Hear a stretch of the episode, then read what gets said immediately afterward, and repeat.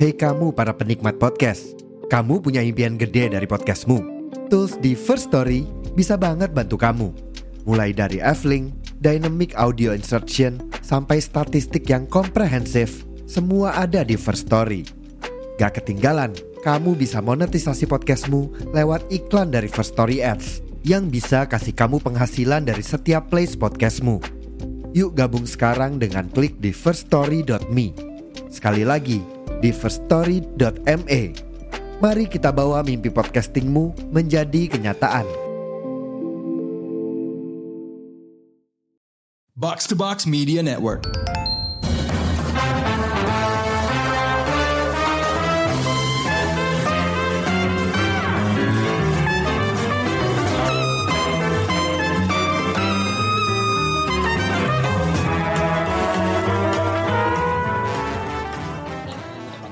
Showbox, kita ketemu lagi di episode terbaru Showbox Podcast bareng gue Krisna.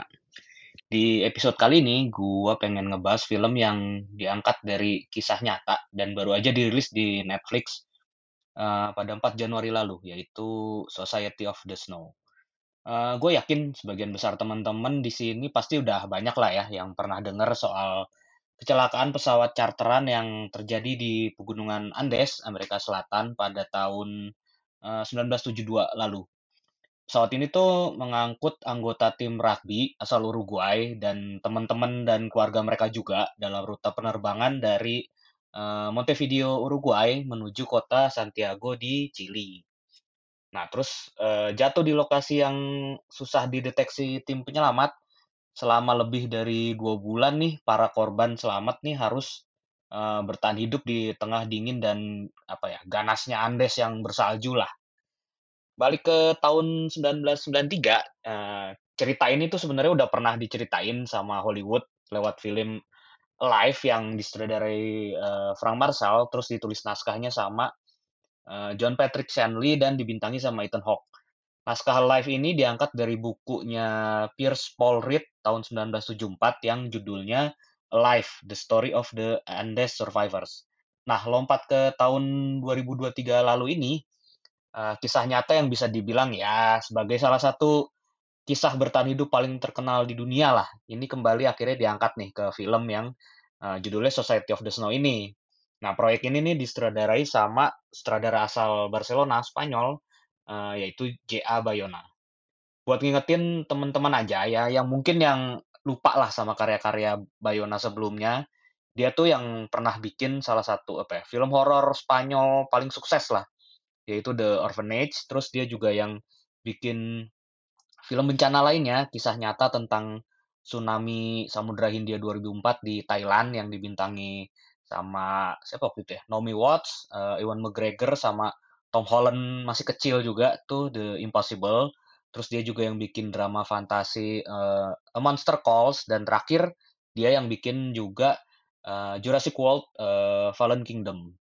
Nah, bedanya film ini sama Alive, naskahnya yang ditulis si Bayona bareng Bernard eh, Villaplana, Jaime Marquez dan eh, Nicolas Casariego ini diangkat dari buku yang beda nih. Kalau ini nih diangkat dari buku karya Pablo Fierci tahun 2009 yang berjudul eh, sorry nih kalau gua salah cara bacanya ya. La Sociedad de la Nieve atau yang dalam bahasa Inggrisnya berarti Society of the Snow gitu. Buku ini berai apa ya? buku ini tuh isinya tuh kayak apa ya? Semacam dokumentasi kisah-kisah dari para korban selamat ini eh, di mana sebagian dari mereka juga ternyata tuh emang teman masa kecilnya si Fierci ini juga gitu. Terus selain itu bedanya lagi film ini sama Alive adalah penggunaan bahasanya nih. Kalau Alive kan ya namanya juga produksi Hollywood ya, dia pakai bahasa Inggris gitu kan. Makanya eh, film ini sementara kalau film ini itu pakai bahasa asli para karakternya yaitu bahasa Spanyol gitu. Makanya para cast-nya juga diisi aktor-aktor asal Uruguay dan Argentina yang ya hampir semuanya itu sebenarnya bisa dibilang adalah aktor pendatang baru gitu. Bahkan kalau dibuka di Wikipedia gitu misalnya ya, ini para aktornya tuh kebanyakan belum punya halaman Wikipedia bahkan gitu. So ya buat eh, info tambahan aja, Society of the Snow ini juga dipilih buat eh, ngewakilin Spanyol buat bersaing di Academy Awards tahun ini di kategori Best International Feature Film. Ya belum ketahuan sih film ini berhasil lolos sampai tahap akhir apa enggak gitu ya. Soalnya nominasi resminya, nominasi terakhirnya kan baru bakal diumumin pada 23 Januari nanti juga gitu ya. Eee, cerita Society of the Snow sendiri ini dinarasikan dari sudut pandang salah satu korban kecelakaan ini, yaitu yang namanya si Numa Turcati yang dibintangi sama aktor asal Uruguay, Enzo Fogrinchik. Pada 13 Oktober 1972 tepatnya, bareng teman-teman setimnya di klub rugby Old Christians, dia naik pesawat Uruguayan Air Force Flight 571 yang rencananya ini bakal ngebawa mereka dari Montevideo, Uruguay ke Santiago, Chili yang kayak tadi udah gue bilang di awal gitu ya. Selain selain anggota tim Old Christians ini, ada beberapa teman dan keluarga mereka juga lah yang ikut naik pesawat ini gitu ya. Jadi kalau di total ada 45 orang yang jadi penumpangnya. Tapi kemudian di perjalanan pas udah mendekat sebenarnya pas udah lumayan dekat ke wilayah Chili, pesawat ini nih, eee, ya nabrak gunung lah, terus jatuh di salah satu, eee, bisa dibilang area bersalju paling ekstrim dan nggak terjangkau di pegunungan Andes lah. Akhirnya para penumpang yang masih berhasil selamat nih dari kecelakaan ini ya harus berjuang hidup lah dalam kondisi yang super dingin bisa dibilang ya, dan kekurangan makanan juga gitu. Ditambah lagi sebagian dari yang masih selamat ini juga banyak yang keadaannya udah dalam apa ya, luka-luka lah. Malah ada juga yang bisa dibilang kondisinya udah kritis dari awal gitu ya. Nah, dengan lokasi yang apa ya, ya itu yang bis bisa dibilang susah ditemukan dan dijangkau, jadinya tim penyelamat yang diharapin juga ya nggak datang-datang lah gitu. Ini juga yang akhirnya bikin para korban selamat nih harus bersatu lah gitu. Ya kayak judul ya society gitu kan. Ya harus bersatu dan merencanakan dengan matang lah apa aja yang mesti mereka lakuin buat bisa bertahan hidup bersama gitu ya di kondisi yang serba sulit lah. Ya paling nggak sampai akhirnya ada bantuan yang datang gitu.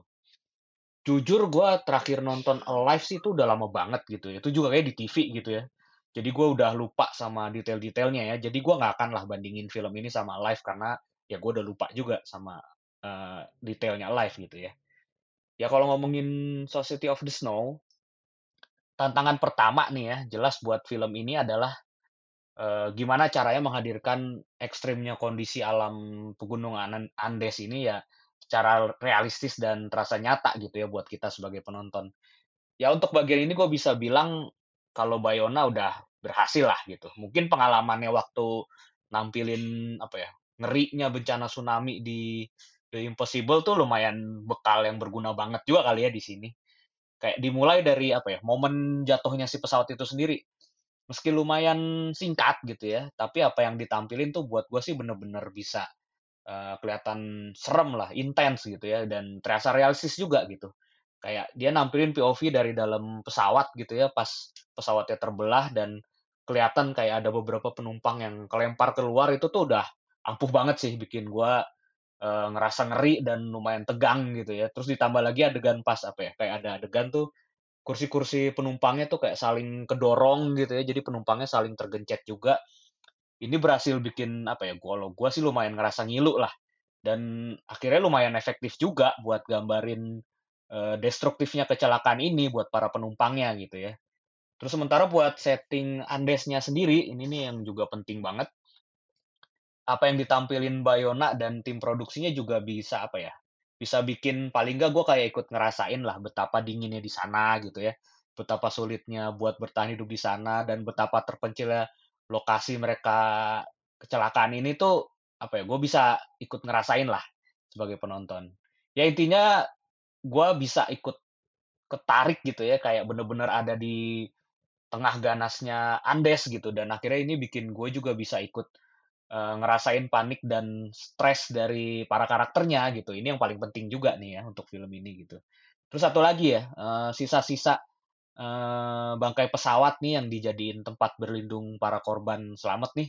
Terus sisa-sisa barang bawaan penumpang juga yang uh, berserakan gitu itu juga uh, menurut gue kelihatan oke okay sih detailnya gitu ya kerjaan ya pokoknya kerjaan tim produksi film ini emang harus dikasih tepuk tangan sih. Gue gua gue baca sih produksi film di tengah kondisi apa ya? Ya produksi film di tengah kondisi, kondisi bersalju gini jelas nggak gampang gitu ya. Kabarnya proses produksinya sendiri makan waktu total tuh sampai 138 hari dan budgetnya sendiri tuh sampai 65 juta euro gitu ya. Ya emang lumayan gede sih. Pengambilan gambar utama itu eh, yang gue baca nih ya itu diambil di kawasan eh, Sierra Nevada, Spanyol, nggak nggak nggak semuanya eh, asli di Andes gitu ya. Dan uniknya nih proses syuting film ini nih justru sempet eh, dapat tantangan berat karena eh, salju di Sierra Nevada nih justru sempat eh, kayak menipis gitu. Tapi ya selain di Sierra Nevada ini, tim produksi lainnya juga ada yang eh, emang ngelakuin pengambilan gambar eh, di Andes langsung, termasuk di lokasi sungguhan terjadinya kisah ini gitu bahkan ya. Nah terus kemudian adegan-adegan dari para aktor yang diambil di tengah eh, salju Sierra Nevada ini terus disatuin sama gambar-gambar yang diambil di Andes buat dijadiin background gitu. Ini semua ya ya trik yang efektif lah buat bikin semua adegannya tuh kelihatan dan terasa beneran eh, kejadian di Andes gitu ya.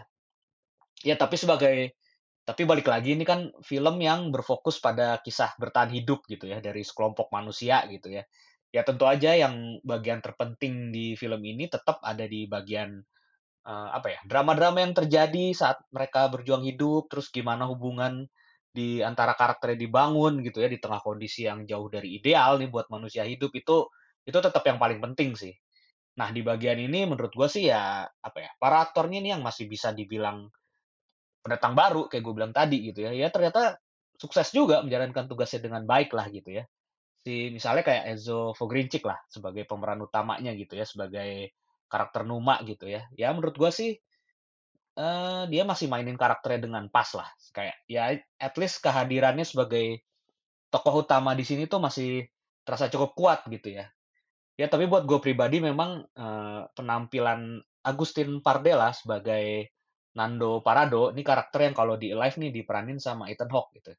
Ini nih yang paling mencuri perhatian justru gitu. Si Pardea nih bisa apa ya? Memainkan naik turun kondisi karakter ini nih dengan mulus banget lah. Ya bisa dibilang karakter Nando ini emang yang paling mengalami perkembangan sih di sepanjang film. Apa ya? Berawal dari apa ya? Sebagai salah satu korban dengan kondisi fisik dan mental paling terpuruk gitu ya, nggak fisik doang, mentalnya juga gitu. Akhirnya optimisme dan kompetensinya nih yang paling bisa eh, ngasih harapan dan hati lah buat film ini gitu, yang bisa kita rasain juga sebagai penonton gitu. Ya naskah dan eksekusinya juga bisa dibilang sukses sih dalam ngasih apa ya banyak ruang lah pada momen mom buat momen-momen mengharukan dan dia- dialog-dialog yang menyentuh juga gitu. Ya bisa makin terasa gitu. Gua sih ngerasa karena eh, film ini juga apa ya eh, nggak mendramatisasi secara berlebih konflik dan kondisinya gitu. Semuanya terasa diperlakukan sesensitif dan senatural mungkin gitu, seperti layaknya ya manusia kebanyakan bersikap di tengah kondisi yang ekstrim lah gitu. Ya mungkin ini dimaksudkan dimaksudkan juga untuk menghormati keluarga dan reka dan rekan para korban di dunia nyata juga lah ya, karena ini kan biar gimana memang diangkat dari kisah nyata gitu ya. Dan ini apa ya, termasuk buat bagian paling sensitif dari kisah nyata ini juga gitu ya, bagian yang Ya, yang paling terkenal lah dan pasti dibahas tiap ngomongin cerita kecelakaan pesawat ini, yaitu ya ketika mereka harus eee, memakan jenazah korban yang sudah meninggal buat bertahan hidup karena ya udah nggak ada lagi makanan yang tersisa gitu ya. Sejujurnya gue sempet apa ya, sebelum nonton nih gue sempet punya kekhawatiran lah, kalau film ini bakal mengeksploitasi itu secara berlebihan gitu ya, ya cuman buat bikin film ini jadi lebih sensasional mungkin gitu ya. Tapi ya ternyata kekhawatiran gue ini nggak terjadi lah. Ya Bayona nunjukin kalau ini emang tinggal satu-satunya hal yang bisa mereka lakuin buat bertahan hidup kali. Kalau ini emang kalau ini adalah keputusan yang berat juga buat mereka gitu, tapi juga eee, paling masuk akal buat semua korban yang selamat gitu. Eee, apa ya, selain itu bisa ditangkap juga gitu kalau perasaan dilematis mereka buat, eee, mutusin makan apa enggak tuh bisa bisa terasa gitu. Tapi tanpa terlalu overdramatis juga, itu itu menurut gua bagusnya di situ gitu. Ya mungkin kalau ada satu hal yang bisa bikin film ini punya sedikit kelemahan lah menurut gue itu ada di durasinya yang mungkin, eee, masih terlalu panjang dan sempat, eee, terasa agak dragging di bagian pertengahan kali ya. Ya ada beberapa momen di bagian pertengahan yang sebenarnya masih bisa dipangkas sih menurut gua. Ya ini bisa bikin filmnya mungkin jadi bisa terasa lebih padat justru. Ya oke, eee, segitu aja review gua buat Society of the Snow ini. Eee, gua kasih film ini rating 4 bintang lah dari 5. Ya pastinya film ini tersedia dan bisa ditonton di Netflix, jadi ya buruan aja ditonton gitu. Menurut gua sih nggak masalah kalau kamu udah pernah tahu tentang kisahnya nyata ini atau belum, nggak akan mengurangi keseruannya sama sekali.